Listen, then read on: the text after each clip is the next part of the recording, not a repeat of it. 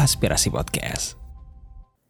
Selamat datang Sobat Aspirasi, welcome back ya dengan Aspirasi Podcast yang kali ini ada ada seorang ketawa-ketawa Oh ini. iya, udah ke spill berarti ya? Iya udah kespill nggak apa-apa. Jadi kali ini kita mau ngobrol-ngobrol nih ya Hmm. barengan sama salah satu narasumber kita yang apa ya, yang keren banget sih pastinya. Aduh. Jadi kita bakal ngulik-ngulik eh, aib-aib enggak aib.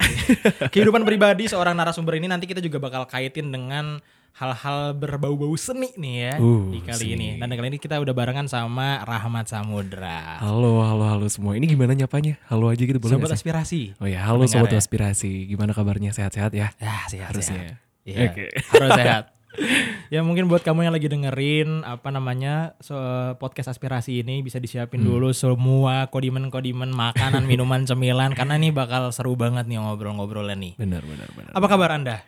Alhamdulillah sehat. Harus sehat ya? Harus sehat, Harus benar. sehat. Ini Anda sendiri sehat? sehat juga alhamdulillah. Gak ke sini saya kalau gak sehat. Iya, benar, benar. benar. COVID-19 nih meskipun udah agak nurun cuman Hmm. masih cukup Iya benar, tapi banyak teman rahmat yang masih radang dan lain-lain dan mereka kayak ber- eh, berasumsi kalau COVID bakalan naik lagi. Gitu katanya. Memang ada prediksi seperti Ya, itu sih. benar, benar. Cuman ya semoga bukan kita yang kena Iya, ya. amin, amin, amin. Nah, mungkin buat selanjutnya mau tanya-tanya seputar kehidupan pribadi, terutama ini kita mungkin langsung aja ya, kayak mau ngobrolin soal teaternya Rahmat nih. ya. Hmm. Aduh, teaternya rahmat. Jadi Rahmat ini di teater tuh sebagai apa ya? Apa artisnya kah? Apa sebutannya teater tuh? Penampilan eh, itu. Eh, gini ya, kalau Iya, sebenarnya Rahmat join teater itu sejak dari SMP. Wow. SMP, SMA sampai di kuliah hari ini. Hmm. Dan waktu pertama kali join teater itu di SMP Hmm. itu eh, jadi aktor. Wow. Terus kemudian di SMA eh, jadi aktor juga, terus sempat udah belajar gimana caranya jadi eh, konseptor. Mhm. Kemudian jadi sutradara juga pernah sekali waktu itu dan baru di eh, perkuliahan ini Mhm. kemarin jadi aktor juga awalnya terus hari ini lagi proses buat jadi sutradara di pentas tunggal. Oh, kayaknya gitu. kalau misalnya ngecek IG juga fotonya udah iya, udah terpampang ya. Iya betul. Sudah kelihatan kalau dia sekarang dibuat show-nya nanti tuh bakal jadi sutradara ya. Iya, nah, mungkin mau throwback dulu ke belakang Mhm. kali ya. Biasanya kan hal-hal berbau seni tuh ditempa sejak kecil. Ya. Amat kayak gitu nggak sih? Maksudnya apakah lahir dari keluarga seniman Hmm. atau mungkin punya ayah ibu atau punya keluarga yang juga berteater Mhm. atau mungkin pas kecilnya suka dibawa-bawa ke tempat teater apa gimana? Ah, jadi ini sebenarnya fun fact juga sih. Eh, Iya, iya. Bapak dan ibuku tuh eh, mereka orang biasa, orang ya orang eh, orang tua yang pada umumnya aja mereka Hmm. Iya, nggak iya. ada basic seni sama sekali. Bahkan eh, mungkin bapak sama ibu kalau nyanyi pun itu pun fales gitu ya. Aduh maaf bapak ibu. Tolong. Tapi ternyata ketika aku SMA waktu itu SMA join teater dan Iya. lain-lain, sering pentas dan lain-lain, ibuku tuh eh, tiba-tiba nyeletuk gitu kalau Hmm. ba- bahwasannya kamu tuh kayak kakek kamu ya gitu. Hmm. Kakek kamu tuh dulu eh, pegiat ludruk di desa Apa itu? gitu. Ludruk tuh apa? Ludruk itu adalah salah satu uh, kesenian yang ada di Jawa Timur yang mana dia tuh uh, kayak konsepnya emang kayak drama cuma Iya, iya. dikemas secara Jawa gitu. Jadi ada iringan Ah. gending, uh, gendingan terus kemudian dramanya berbahasa Jawa gitu. Hmm. Oh, kalau yang- di Betawi itu mirip lenong kali Nah, ya. lenong gitu kalau di Jawa tuh namanya ludruk, gitu. Ludruk. Pertunjukan ludruk yang mana tampil di desa-desa Hah? setiap ada hajatan dan lain-lain dan kakekku tuh dulu aktif katanya di ludruk. Dan aku baru tahu kalau ternyata ada darah aliran seni itu dari kakek itu, baru tahu Oh, SMA kemarin. Kakek dari ibu berarti. kakek dari bapak. Oh, Kakek dari bapak. Ya. Ternyata ada darah seni, cuman berarti dari keluarga gak ada yang membentuk seorang rahmat Gak buat ada jadi sama sekali. apa namanya pegiat teater gitu gak ya. ada, gak ada sama sekali. Berarti kalau dari keluarga enggak, ketemunya di mana berarti? ketemunya yaitu di SMP. Ah. Eh, kan dulu eh, kalau SD ya sebenarnya SD tuh udah Iya. ikut kelas drama. Kelas drama yang mana biasanya tampil di eh, acara-acara wisuda, acara-acara ekskul 17-an. berarti kalau SD. Ya. Mm. Eh, bukan ekskul, ekskul kan adanya di SMP SMA gitu kan. Nah, kalau Iya. SD dulu itu namanya kelas drama gitu lah. Ada intinya Ah. eh, setelah pulang sekolah latihan gitu. Mm. Terus habis itu di SMP eh, ada teater namanya. Teater tuh apa sih kan gitu Iya, ya? Kalau iya. karena di SD dulu namanya drama gitu Iya kan. betul, tahunnya. iya. Terus teater join, join, join. Eh, kok nyaman? Nyaman. kok nyaman gitu di mana aku bisa mengekspresikan hal yang sebenarnya nggak aku bisa ekspresikan di dunia nyata gitu Iya, ya. iya, iya. Karena biasanya kalau di teater tuh kan bisa jadi buto, bisa jadi Iya. apa pun hal yang eh, sebenarnya nggak ada di dunia nyata. Betul. Di mana aku bisa ketawa, nangis sepuasnya. Mm, Betul. Dan di situ aku ngerasa kayak ini bisa jadi salah satu tempat aku buat release my all of emotion gitu ya. Iya, Kayak iya, iya. emosi-emosi yang nggak pernah aku rilis itu bisa aku keluarkan di teater. iya, iya. Gitu. Jadi kayak mulai dari situ udah mulai ketemu oh kayaknya aku passion di teater deh di dunia seni peran deh Hmm. gitu. Jadi mulai dari situ mulai uh, mencoba mendalami dunia teater. Nah itu kan ketemunya berarti karena uh, di mungkin di SD ada kelasnya. Nah maksudnya apakah sebelumnya mungkin pernah kan maksudnya dari sebelumnya tahu teater jadi tahu teater tuh apakah karena pernah melihat pertunjukan atau bagaimana? Biasanya kan suka terinspirasi dari nonton gitu ya kadang-kadang ya kalau seni itu. Gak ada sih kayaknya. Tapi mungkin kata ibu tuh aku dari kecil tuh sok dramatis banget. Jadi at- aku kan suka nonton Power Ranger tuh. Power Ranger kalau kalah gitu kan Iya. itu jatuh terus alat berubahnya mau diambil sama Iya, monster. iya, nah, iya, iya. aku tuh dulu kata ibu tuh sering meraktikin hal-hal aneh kayak gitu. Iya. Terus kemudian makanya ketemu teater di SMP kayak oh, kayaknya Iya, ini iya, deh. iya, iya. itu yang gue cari kayaknya. Berarti memang eh, bahkan dari kecil eh, meskipun tidak terbentuk Iya. secara lingkungan, ternyata emang anaknya udah kayak gini ya. iya, anaknya emang udah aneh gitu tiba-tiba acting-acting Tidak gak ada yang jelas. bilang aneh.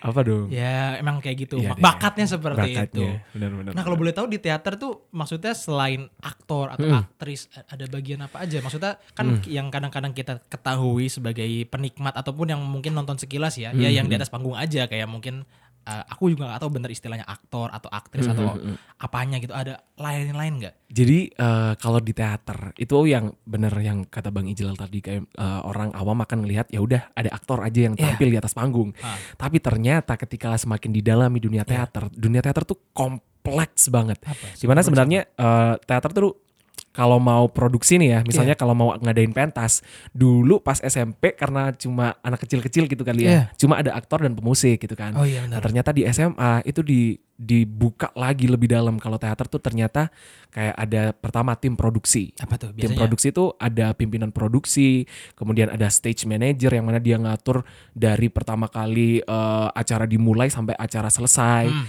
Terus kemudian ada juga eh, tim humas dan lain-lain Apa itu, itu yang dikerjakan tim produksi itu berarti apa? yang dikerjain tim produksi adalah belakang panggung yang mana mereka fokus gimana caranya pentas ini berdiri gitu. Ah. Nah, yang kedua ada tim pengkaryaan. Apa tuh pengkaryaan? Nah, tim pengkaryaan ini fokus yang outputnya teaternya Ah, tadi. di panggung berarti. Panggungnya tadi. Jadi di tim pengkaryaan ada sutradara, ada asisten sutradara, Ah. kemudian ada uh, tim pemusik, ada tim tata cahaya, tim tata panggung, Mhm. tim setting dan lain-lain itu ternyata sebanyak itu gitu loh teater. Iya, Kira iya, dulu cuma ya udah aktor musik cukup gitu Iya, kan. Ternyata betul, betul. enggak.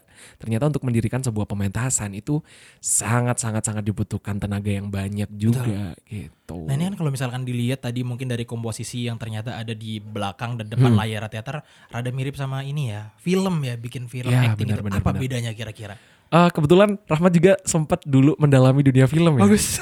sempat sempat sempat Iya, iya, waktu iya. SMA dulu itu Nah, punya tim SPRD kira-kira? Production namanya. Nah, Yang beda kalau dari segi acting ya, kalau Hmm. dari segi acting kalau teater kan kita dilihat di panggung, yang mana penontonnya tuh kan biasanya dari jauh, Iya. Eh, at least eh, dalam satu ruangan gitu Betul. kan. Jadi tenaga serta olah tubuh, olah vokal yang harus dihasilkan ketika bermain teater itu harus semaksimal mungkin, betul. karena kita harus menjakau semua eh, apa ya, semua pendengar yang, eh, semua audiens penonton yang ada di situ gitu. Hmm. Kayak misalnya kita gerak kalau di teater Iya. ya udah gerak sepenuhnya aja misalnya Iya, iya. aku marah ya udah tangannya dilebay-lebayin tangannya dilebay-lebayin biar kenapa penonton yang dari jauh biar ngelihat kalau kita lagi bergerak Hmm. nah kalau di film beda kita nggak boleh too much jadi ekspresi tuh ekspresi boleh cuma pergerakan tangan kaki dan lain-lain itu nggak boleh se-over ketika di teater Ah, iya, kemudian benar-benar. eh, produksi suara juga nggak Ah. harus sekeras di teater karena udah ada mikrofon Oh iya betul kan. betul. Udah ada editing editing segala macam Iya lah ya. benar. Jadi kalau dari segi uh, acting aja udah sangat beda gitu Hmm. ya. Terus kemudian mungkin kalau dari segi produksi sebenarnya hampir sama aja ya kayak Iya. di organisasi-organisasi yang lain di mana tetap ada sutradara, Ah, asisten sutradara, terus kemudian tim uh, setting, Hmm. lampu dan lain-lain itu sudah hampir sama sih kayak di teater. Jadi kayak 11 12 lah hmm, gitu. mungkin yang membedakan apa karena stage-nya Mm-mm, besar, benar. akhirnya butuh effort yang lebih juga dari Ya. fisiknya kali ya dari si apa aktornya itu. benar benar benar. Terus juga apa mungkin ya kalau di teater nggak ada cutscene cutscene Ya, gitu ya. nggak ada, Nggak ada tiba-tiba cut Ya cut udah ada. kamu lupa dialog di tengah-tengahnya nggak mau tahu ya. Penonton itu maunya langsung. Cara penanganannya gimana kalau ada kasus kayak gitu? Eh kalau ada kasus seperti itu biasanya kawan main sih yang menolong ya. Ah, Itu tektokan berarti. Tektokan setiap setiap latihan tuh kita udah mendoktrin nih setiap aktor-aktor. Kita harus bisa menangani situasi semacam ini, semacam misalnya ada yang lupa dialog, ya udah langsung disambung aja dialog Ah, selanjutnya apa. iya, kemudian improvisasi. Ah, Nah, betul. kalau Iya, di film bener-bener. kita nggak bisa ya improvisasi. Iya, kalau iya, kita iya. lupa dialog ya di-cut kemudian Ah. diulang gitu kan. Tapi kalau di teater ya nggak bisa. Ah. Improvisasi itu makanya salah satu hal yang memang sangat-sangat diperlukan ketika berlatih. Karena Hmm. ya makanya itu kenapa teater tuh latihannya tiga bulan, empat bulan, dua bulan ya karena memang banyak hal yang memang harus dipersiapkan. Salah satunya improvisasi para aktor itu Hmm. yang mana harus siap sedia ketika hal-hal semacam itu uh, terjadi Hmm. gitu. Nah berarti ada skripnya ya kayak gitu ya. ada ada. Kalau misalnya im- banyak improvisasi gitu apa nggak nggak lari dari skripnya? Eh, gini-gini, biasanya sutradara itu eh, beda ya, maksudnya Iya, iya, beda-beda. Tapi kalau aku tuh eh, selalu memberikan keluasan kepada aktor-aktorku kayak misalnya Hmm. jangan terlalu tekstual. Misalnya nih kan kita ambil satu naskah, satu Iya, iya. naskah yang mana ini eh, karya dari eh, pendahulu-pendahulu gitu kan. Iya, kita iya. tinggal mainin aja gitu kan. Nah, eh, kita eh, saya memberikan kebebasan untuk jangan terlalu patok sama naskah Hmm. saya tidak saya saya nggak tuh aku tidak pernah apa ya kayak jadi formal ya Gak apa-apa. aku jadi eh, selalu ngasih selalu nekanin kalau misalnya kalau kalian nggak hafal itu nggak harus 100% plek ketiplek sama yang ada di naskah Iya, iya. jadi kalian bisa ambil poin pentingnya apa terus kalian bisa sampaikan lewat bahasa kalian masing-masing dan itu akan sangat lebih mempermudah eh, para Hmm. Iya, aktor iya. untuk memahami maknanya dan juga bisa menyampaikan biar tektokannya juga enak gitu Tapi bukannya apa ya mungkin eh, apa namanya ya nggak takut keluar dari apa yang sutradara inginkan gitu kan Nah. khawatirnya gitu kan karena terlalu improvisasi Mhm. akhirnya idealis dari sutradara tergeser sama apa yang dipengenin sama aktornya. Nah, biasanya makanya di setiap eh, dialog itu disuruh jelasin dulu main pointnya dari sini apa. Ah. Itu terjadi ketika proses reading. Jadi eh, teater nih ya, reading dulu kita pahami semua maknanya, terus kita beda ada interpretasi apa aja kira-kira Iya, di iya, dialog iya. ini. Nah, di situ kita ambil poin pentingnya aja Iya, gitu. iya, Misalnya di dialog ini, ternyata yang mau disampaikan adalah tentang eh, apa ya kejahatan kekerasan seksual. Wah. Ya udah poinnya di situ aja gitu. Hmm. Kalau sampai melebar pas latihan itu kita eh, kita stop ya kayak ya kita kasih tahu aja kamu terlalu keluar dari Ah, naskah iya, iya. gitu. Saat Makanya latihan berarti ya. mm-mm, bener-bener dibunuh-bunuh pas latihan gitu Ya iya benar berarti dimaksimalkan saat latihan ya. Mm-mm, mm-mm, gitu. Nah, ini kan kalau teater berarti kan ada sebuah apa namanya ya penggambaran terkait dengan fenomena atau scene gitu ya. Yang Iya. pastinya di situ juga ada beber- berbagai peran yang diperankan. Mhm. Ada apa sih yang biasa kita kenal tuh kayak antagonis, protagonis. Itu ada juga nggak di teater? Ada, ada, ada. Jadi eh, Apa? apa ya? Setiap kehidupan itu pasti ada orang baik dan orang jahat. Eh, Ya. betul, Kita nggak bisa jadi orang baik kalau nggak ada orang jahat. betul. Begitupun orang jahat nggak bisa hidup tanpa adanya orang baik. gitu Betul. ya. Gimana mereka bakalan disebut baik kalau mereka kalau nggak ada orang jahat? gitu Iya, betul. Jadi eh, pasti di setiap naskah tuh ada protagonis, Hmm. antagonis dan lain-lain dan itu juga tergantung naskahnya. Mau Iya, iya, eh, iya. biasanya kebanyakan naskah tuh kebetulan yang aku mainin juga itu lebih nge-highlight ke orang antagonisnya. Gimana Hmm. ambisi dari seorang antagonis itu harus benar-benar terlihat gitu Hmm. dan harus diseimbangkan dengan para para eh, pemeran si protagonisnya Hmm. gitu. Jadi tetap ada antagonis protagonis. Kemudian juga ada pemeran yang dia tuh nggak jahat tapi nggak baik juga. Iya, itu iya, iya. ada gitu. Kalau Rahmat sendiri kira-kira maksudnya mungkin eh, suka meranin peran yang kayak gimana? Oh, kebanyakan rahmat eh, mulai dari SMP SMA kuliah ya. Iya. Kebanyakan meranin orang jahat. Emang jahat Anda ya kayaknya? itu sih kelihatan mungkin ya kan Iya, iya, kadang iya. sutradara tuh ngelihat aktor tuh udah dari fisiknya aja kayak mulai dari alisnya gimana Iya, itu iya. sutradara udah milih oh ini anak jahat deh gitu. oh ini anak baik deh gitu itu bisa langsung Iya, iya, ngelihat iya, gitu iya, dan iya. kebanyakan Rahmat sejauh ini jadi orang jahat buto kemudian jadi Hmm. eh, perlambangan dari sebuah amarah gitu-gitu Banyaknya jadi orang jahat. Nyaman Banyak. jadi orang jahat tapi. ternyata enak Ternyata iya ya memang enak ya. Ternyata Baik enak. itu kan capek ya. Iya baik itu capek dan eh, it- ini yang aku senengin dari teater gitu ya. Iya, iya, Eh, Pernah waktu itu Rahmat dapat salah satu karakter perlambangan sebuah rasa bingung, Ah. rasa bingung dan eh, itu adalah namanya moha. Moha ini adalah beberapa sifat yang ada di agama Hindu Ah. gitu ya. Dan salah satunya ini eh, namanya moha dan Hmm. aku harus ngerepresentasiin moha yang mana ini cuma sifat menjadi bentuk fisik dan harus dihadirkan dengan mulai dari bentuk suara, mulai dari postur dan lain-lain. Sulit Dan sulit. dan waktu itu sutradaranya tuh bener-bener nekenin ke dalam banget. Dalam tuh dalam artian kayak bener-bener dikeruk jiwanya Iya, gitu ya. iya, iya. Kayak gimana caranya kamu jadi orang bingung yang kamu itu nggak bingung tapi bisa bingungin orang. Iya iya iya. Dan itu bener-bener ketika pendalaman karakter seorang Rahmat yang awalnya ter benar-benar terorganisir harus bla bla bla Ah. bla bla ketika mendalami peran itu aduh hancur hidup Rahmat beneran. Jadi kayak keadaan kos yang biasanya Rahmat tuh selalu tertata ya. Gara-gara itu. Iya, serius gara-gara Saking mendalaminya. itu, saking mendalaminya itu sampai bener-bener aku habis ini mau ngapain ya? Salahnya di situ, soalnya interpretasi dari seorang sutradaraku waktu itu, itu aku harus jadi orang yang bisa membingungkan orang, Tapi malah malah bingung sendiri. itu yang aku salah di situ. Dan di situ jadi koreksi sutradaraku waktu itu ternyata aku salah Iya, iya, iya. tangkep gitu. Mu- Ya mungkin tapi kan karena kan eh, bingungnya itu mes, eh, apa ya eh, saat kita ingin menginfluence orang kan juga harus menyerap Hmm. Iya ke diri benar sendiri benar. juga kan. Dan ternyata itu fase satu kata sutradaraku. Fase satu harus ngerasain bingungnya sendiri. Gimana Betul, kita bisa membingungkan orang kalau kita nggak tahu rasa bingung itu seperti apa. Iya iya iya. Dan ternyata oh berarti aku di fase yang benar. Cuma terlalu lama fase bingungku waktu Dan, itu. dan sampai merasuki ke dunia Iya, nyata gitu iya, ya. benar benar benar. Maksudnya benar. sampai benar-benar ke kehidupan sehari-hari nggak cuma di atas panggung tapi juga di belakang panggung Iya ya. benar. Itu agak Itu. gimana? Nah, ini kan apa namanya lebih nyaman jadi protagonis. Eh Antagonis, antagonis, sorry. antagonis. Antagonis dan apa namanya juga sering ada antagonis. Pernah nggak tapi di apa namanya protagonis ya? Baliknya antagonis. Pernah, pernah, tetap Nah. pernah. Cuma kayaknya Iya. nggak gini nih. Kalau boleh bilang, kalau boleh bilang Ah. lebih lebih mudah jadi antagonis. Kenapa ya? Karena emang udah dasarnya jahat kali ya. Iya. jadi bisa mengekspres kejahatan lebih dan lebih Iya. lagi.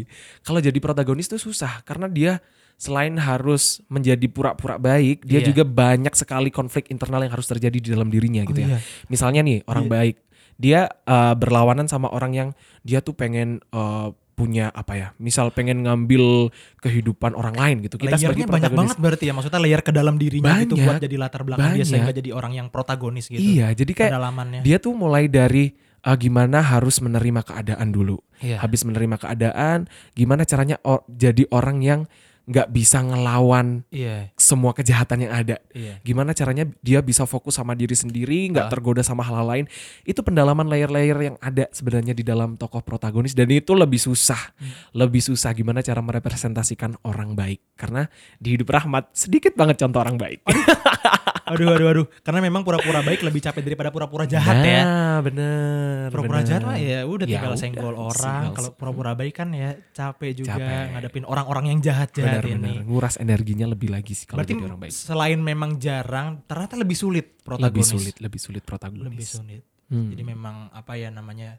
Eh, mungkin Rahmat juga memilih jalan yang lebih mudah juga bisa Iya, dibilang. Dan benar, memang itu keahliannya juga kali Ya, ya. Lebih udah nyantol di udah nyaman di sana. Hmm. Nah, teater ini kan identik sama hal-hal yang sifatnya tradisional Hmm. ya. Biasanya eh, penggambaran-penggambaran tentang zaman dulu atau mungkin kayak Benar, ya- benar. yang sering aku lihat sih selalu ngebahas-ngebahasin soal kerajaan-kerajaan ya. Hmm. Biasanya apa namanya? Eh, tentang kerajaan Hindu Buddha biasanya. Nah, kalau dikaitkan ke zaman modern bisa nggak sih maksudnya ada teater yang apa ya namanya penggambarannya tuh nggak dengan Hmm. latar waktu dan latar tempat zaman dulu gitu. Bisa atau ada?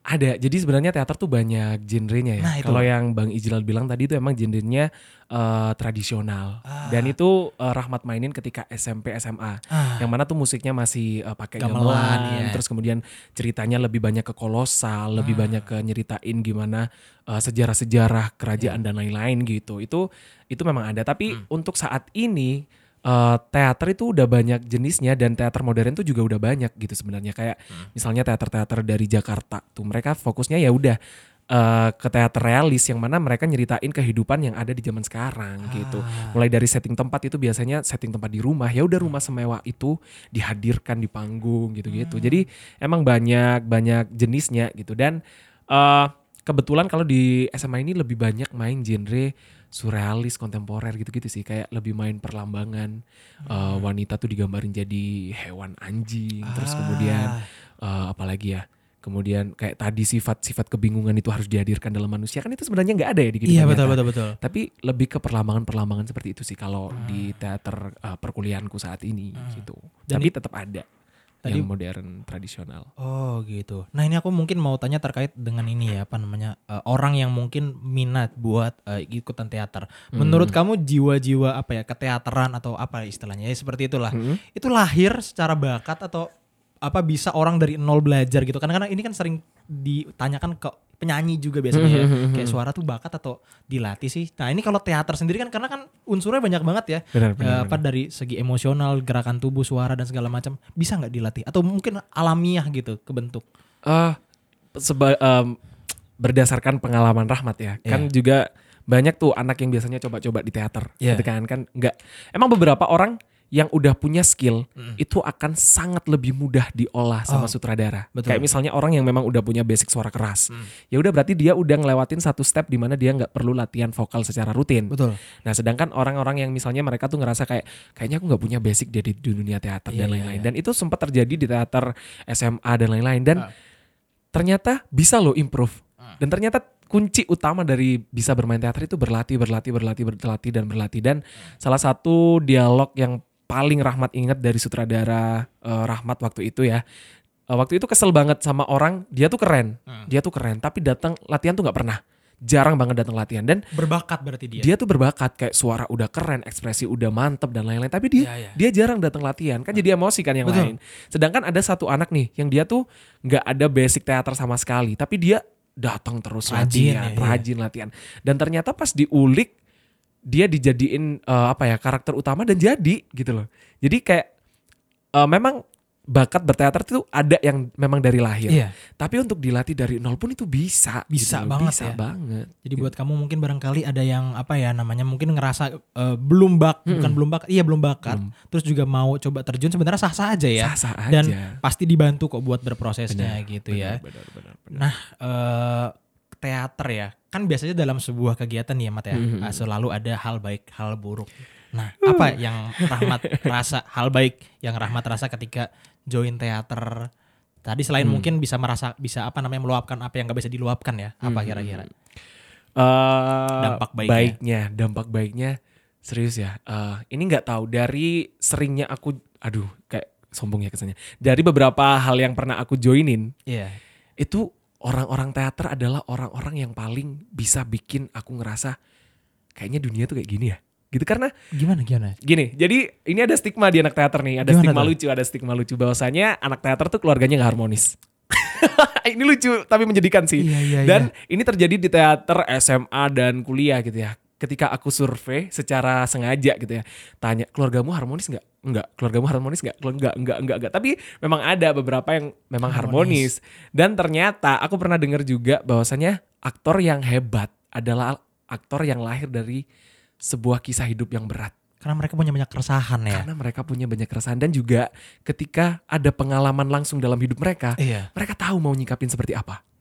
Dan itu bisa disalurkan lewat Teater. teater itu gitu dan enaknya adalah orang-orang teater tuh orang-orang yang nggak paling jarang fake paling jarang fake itu Padahal dia di pengalaman panggung aku fake gak sih? Maksudnya dia fake. berlatih untuk se-fake mungkin, bahkan mungkin Mm-mm. aslinya nggak kayak gitu. iya jadi kayak orang-orang paling jujur kalau kalau anak teater kan mungkin udahlah tau lah ya banyak orang kalau kalau orang teater tuh kasar ngomongnya nggak karu-karuan Iya, iya, udah kayak benar. nggak manusiawi lah Iya, iya. dan itu itu hal yang mungkin Rahmat sukain gitu loh itu karena justru bentuk ekspresi kejujuran iya dia. bener karena ya udah nggak suka ya nggak suka sekali nggak Iya, suka iya. diomongin di situ selesai Hmm. Tapi kalau di lain-lain kan kayak diomongin di belakang dan lain-lain itu itu benci banget rahmat gitu. ya.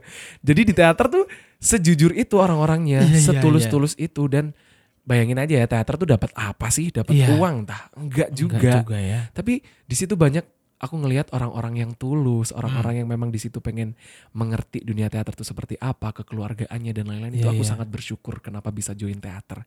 Dan itu aku Wow. seneng banget teater tuh kayak gitu orang-orangnya. Dari mulai cerita background yang berbeda-beda, kemudian juga dari kebaikan, ketulusan, kejujuran orang-orang Iya. di teater tuh itu, itu yang bikin aku bertahan di teater sampai detik ini sih. Wow itu gokil sih karena ya maksudnya latar belakang itu kadang-kadang sulit bikin kita nerima orang gitu Bener, bener, bener. dan juga apa ya mungkin karena latar belakang itu nah ini yang mungkin aku tanyain tadi kan banyak latar belakang yang keluarga bisa dibilang gak harmonis bisa mereka jadi protagonis Bisa. apa Justru- mungkin karena di kehidupan nyatanya selalu pura-pura baik Justru kan karena Gim- ini gimana? eh, lahir, lahir sebagai anak ya. Iya, Mereka iya. tuh kebanyakan orang tuanya yang problematik. Ah. Ada ini ada kisah banyak lucu banget dan salah Ah, boleh satunya boleh adalah cerita eh, ada salah satu anggota tuh yang ayahnya tuh ninggal dia selama lima tahun. terus Terus kemudian sinetron ya Kayak awalnya sinetron. Demi Allah, aku ketika join teater, ketika ketika aku apa ya ngelakuin apa ya wawancara secara eksklusif gitu Iya, ya kepada teman-teman teaterku, kisah hidup mereka tuh kayak kayak kayak sinetron Iya, yang iya, mana iya. ada yang diusir setiap satu minggu sekali dari kontrakannya karena nggak bisa Nah bayar. itu coba satu-satu dulu yang tadi. satu-satu. Ah. Itu ada salah satu anggota yang mana dia tuh eh, ditinggal ayahnya, eh, ayahnya ketahuan selingkuh dulu. Ah, ayahnya gila, ketahuan gila. selingkuh, terus kemudian setelah itu pas ketahuan selingkuh, ayahnya minggat pergi ke Malaysia selama lima tahun. Wah. Setelah lima tahun, ayahnya balik eh, nggak bawa uang, nggak bawa apa, nggak ada kata maaf. Ada cewek nyamperin, ternyata itu bawa anak dan itu ternyata anaknya ayahnya. Terus kemudian pas ayahnya balik, eh, nggak bawa duit, nggak bawa apa-apa, malah bawa duren. Buat nggak tahu. Jadi jadi itu jadi joke sampai sekarang gitu buat anaknya itu. Dan bayangin coba. kenapa bau durian? Iya, kenapa bawa durian ya? Jadi bayangin tuh anak ber- kelas berapa SD udah ngetahuin ayahnya selingkuh. Terus kemudian ditinggal ayahnya selama lima tahun nggak punya sosok Iya, ayah iya. selama lima tahun. Ngelihat ibunya Iya, seperti apa. Nah, dari situ kan otomatis secara langsung dia bisa ngamatin beberapa eh, apa ya, beberapa ekspresi, beberapa beberapa apa ya, perasaan. Iya iya iya. Di- dia ngelihat ibunya sendirian. Iya. Terus kemudian dia ngelihat bapaknya sebagai sosok antagonis, Iya. ngelihat ibunya sebagai sosok protagonis dan itu bisa jadi eh, apa ya sesuatu yang bisa ditanam Mm-mm. secara otomatis di dalam Iya.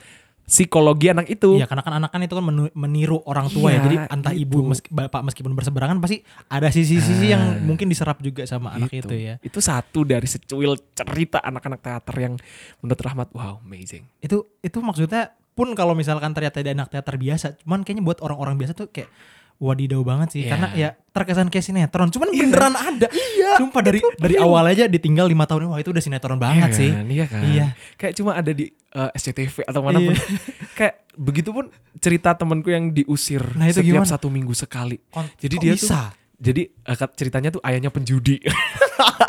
ini juga Aduh. dari prolognya udah iya, ayahnya nih penjudi. Iya, Terus iya, iya. kemudian dia setiap SD tuh kalau mau pulang sekolah harus nungguin ayahnya nge-WA ke mana dia harus pulang. Bayangin tuh. Oh, berarti pindah-pindah Iya. oh, maksudnya yang diusir tuh keluarganya dia Keluarganya dia diusir. Oh. Dan dia tuh cerita paling lama tinggal tuh selama satu bu- eh tiga minggu. Ah. Selama satu eh, tiga minggu tuh paling lama menetap di satu tempat. Oh. Jadi selain itu dia tuh mastiin setiap pulang sekolah nih sekolah anak SD ya Wak. SD, SD, bayangin iya. SD terus kemudian berarti udah bawa handphone dia di udah terus itu. kemudian SMS ke itu loh kan biasanya punya tukang ojek susulan iya kan. iya iya benar harus nunggu SMS ke bapak itu dulu Ah. kalau misalnya harus pulang ke mana Mm. karena bener-bener mastiin kira-kira di rumah ini udah diusir belum ya iya iya iya Gitu. apa yang membuat diusir ya karena, Karena mungkin judinya. keadaan ekonomi itu tadi Oh, karena bisa judi itu bayar. tadi apa gimana Eh, nggak Iya, tahu dah nggak bisa di, gitu deh. nggak bisa dijelasin Iya. lah ya pokoknya bayangin, intinya diusir bayangin dia Iya. ngalamin hal-hal seperti itu iya dan iya itu iya sangat bisa membuat dia untuk mengamati ekspresi yang harus dihadirkan di Iya dalam keluarganya panggung. protagonis, Iya. bapak kontrakannya antagonis yang mungkin ngebentak-bentak Iya ngusir-ngusir. kan tuh bayangin Terus bayangin. jadi di sisi mungkin dia bisa jadi apa di sisi orang yang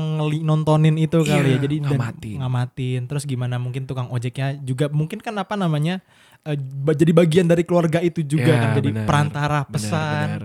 Kan ya, wow Wow, wow Itu iya sih itu kayaknya cuman terjadi di sinetron ya. Iya kan? Cuman ternyata ada ya. ada di kehidupan dan itu aku temuin di cerita-cerita anak teater Dan mungkin ada yang lebih kelam lagi kali ada ya. Nah, ini banyak ini nggak mau Banyak. sebenarnya kayak posisi cuman kayaknya gak usah dikulik lebih Iya, dalam nggak usah karena lah ya. jadi gimana gak Ya, enak juga bener. sama orangnya mungkin ya Benar-benar. nah setelah tadi kita tahu hal-hal baik dari Mhm. Rahmat ya yang maksudnya hal-hal baik yang diterima Rahmat saat di teater ada nggak hal buruknya ada dong masa ada dong ada Iya, dong apa ada tuh? pasti Eh, pertama waktu itu eh, Rahmat kurang karena karena karena Rahmat ini lahir dari keluarga yang memang mereka tuh agamis ya dalam Ah. artian eh, keluarga yang putih gitulah Iya, putih.